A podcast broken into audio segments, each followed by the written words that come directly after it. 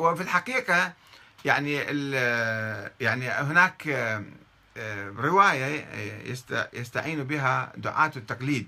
وهي رواية منسوبة للإمام المهدي منسوبة للإمام العسكري رواية فيها نظر وفيها كلام. أنه من كان من الفقهاء صان لنفسه حافظا لدينه مطيعا لمولاه مخالفا لمولاه آه، لهواه فالعوام أن يقلدوه. هذه تأخذوها أنه إذا يجوز التقليد. أي واحد فقيه أو راوي طبعا هي الرواية ما تقول مجتهد تقول راوي أن يتبعوه من كان من الرواة. السيد الخوئي هو محقق عالم كبير محقق مدقق بالروايات وماذا يقول في هذه الرواية؟ يقول أساسا التقليد مسألة عقلية. يعني إحنا كيف نرجع مثلا دائما يقولون نرجع للطبيب المريض يرجع للطبيب الجاهل يرجع للعالم. هذا صحيح. يعني ولكن الطبيب انت هذا إنسان مختص آه، يرجع. حتى لو أعطاك دواء مثلا إذا أنت عندك رشح بسيط أو مرض بسيط وأعطاك قال لك روح سوي عملية. يقول له عجيب غير شو نسوي عملية؟ إنه هذه مسألة بسيطة يحتاج أسبرين يحتاج مثلا آه، دواء بسيط دواء قحد وكذا. مو أنا راح أسوي عملية. يعني إحنا أيضا ننظر إلى حتى فتاوى الأطباء أو يعني الوصفات تبعهم. فمو أنه كل طبيب يعني إحنا نقلده تقليد أعمى. بالمعقول يمكن نتبع قوله إذا أنا ما عندي معلومات. أما إذا كنت أعرف حالي أنا عندي رشح بسيط آخذ لي حبة أسبرين أو بنادول راح أطيب. فليش أرجع للطبيب؟ بعد ما أرجع للطبيب. السيد الخوي ماذا يقول؟ يقول بوجوب التقليد عقليا. أما بالنسبة للروايات فيرى أنه لا توجد روايات تدل على وجوب التقليد. ثم يقول ثم أن التكلم في مفهوم التقليد لا يكاد يترتب عليه ثمرة فقهية اللهم إلا في نزل القليل. وذلك لعدم وروده في شيء من الروايات. نعم ورد في رواية الاحتجاج وهذا مؤلف الطبرسي آه، مؤلف كتاب الاحتجاج في القرن السادس أو السابع.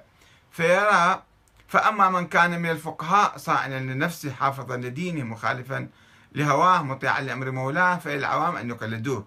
إلا أنها رواية مرسلة غير قابلة للاعتماد. هكذا يقول عنها السيد الخوئي في كتاب الاجتهاد والتقليد آه، آه، صفحة 81 وبعد تضعيف الخوئي للرواية السابقة يصرح أنه لا دليل على وجوب التقليد إلا العقل.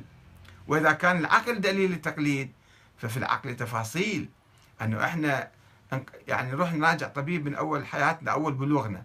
طبيب معين إلى أن يموت أو إلى أن يموت ذاك الطبيب أم نرجع كل واحد باختصاصه. واليوم هذا الطبيب بكره طبيب آخر بعد بكره طبيب ثالث. يعني أي واحد نشوفه يفتهم. وإذا آه أخذنا دواء من طبيب وشفنا شفنا نفسنا ما أفادنا الدواء نروح لطبيب آخر. فكذلك نمتحن الأطباء عمليا في حياتنا العملية العقلية. إذا يعني صحيح نرجع للأطباء ولكن مو إذا أعطانا دواء وما فاد أيضا ناخذ الدواء. انظر على ذاك الدواء على ذيك الفتوى مدى الحياة. ما أحد قال فيها عقلا ما حد ما يقول بهذا الكلام. فإذا ما كان في مستند شرعي إلى إلى أساس التقليد الدليل العقلي لا يقول بوجوب تقليد شخص واحد مدى الحياة مدى حياة المكلف أو مدى حياة ذلك المجتهد. كما أن في ارتكاب المشتبهات آه، عفوا يقول آه، آه، نعم نأخذ كلام آخر للشيخ محمد مهدي شمس الدين رحمة الله عليه أيضا. يقول مصطلح تقليد ومصطلح مرجعية غير موجودين أساسا. مصطلح تقليد ومصطلح مرجعية هذان المصطلحان وما يرادفهما ويناسبهما غير موجودين في أي نص شرعي وإنما هما مستحدثان. يعني ظاهرة التقليد ظاهرة حادثة وليست أصيلة في الإسلام. وليس لهما أساس من حيث كونهما تعبيران يدلان على مؤسسة التقليد هي مؤسسة ومرجعية. هي مرجعية التقليد. يعني مؤسسة من حيث كونهما اثنين لمؤسسة. ليس لهما من الأخبار والآثار فضلا عن الكتاب والكريم علما ولا أثرا.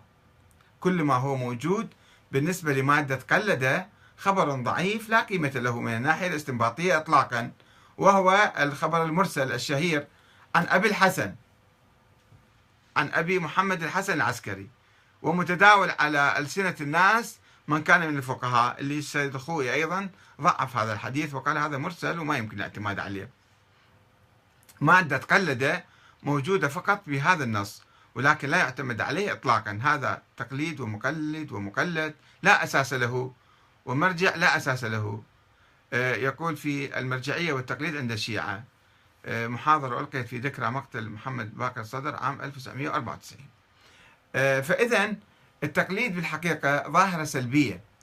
وشيخ الطوسي وسنشوف علماء آخرين في زمانه قبل ألف سنة قالوا أن التقليد قبيح قبيح قبيح. لا يجوز التقليد. الآن نجي بعض الأخوة سألوا ونجاوب على سؤالهم أنه ما العمل إذا الإنسان غير قادر على الاجتهاد؟ خلينا نعرف أول أساسا أن التقليد ظاهرة حادثة وسلبية وقبيحة وليس لها أساس في الإسلام وفي التشيع وفي تراث أهل البيت. آه، قرأنا آه،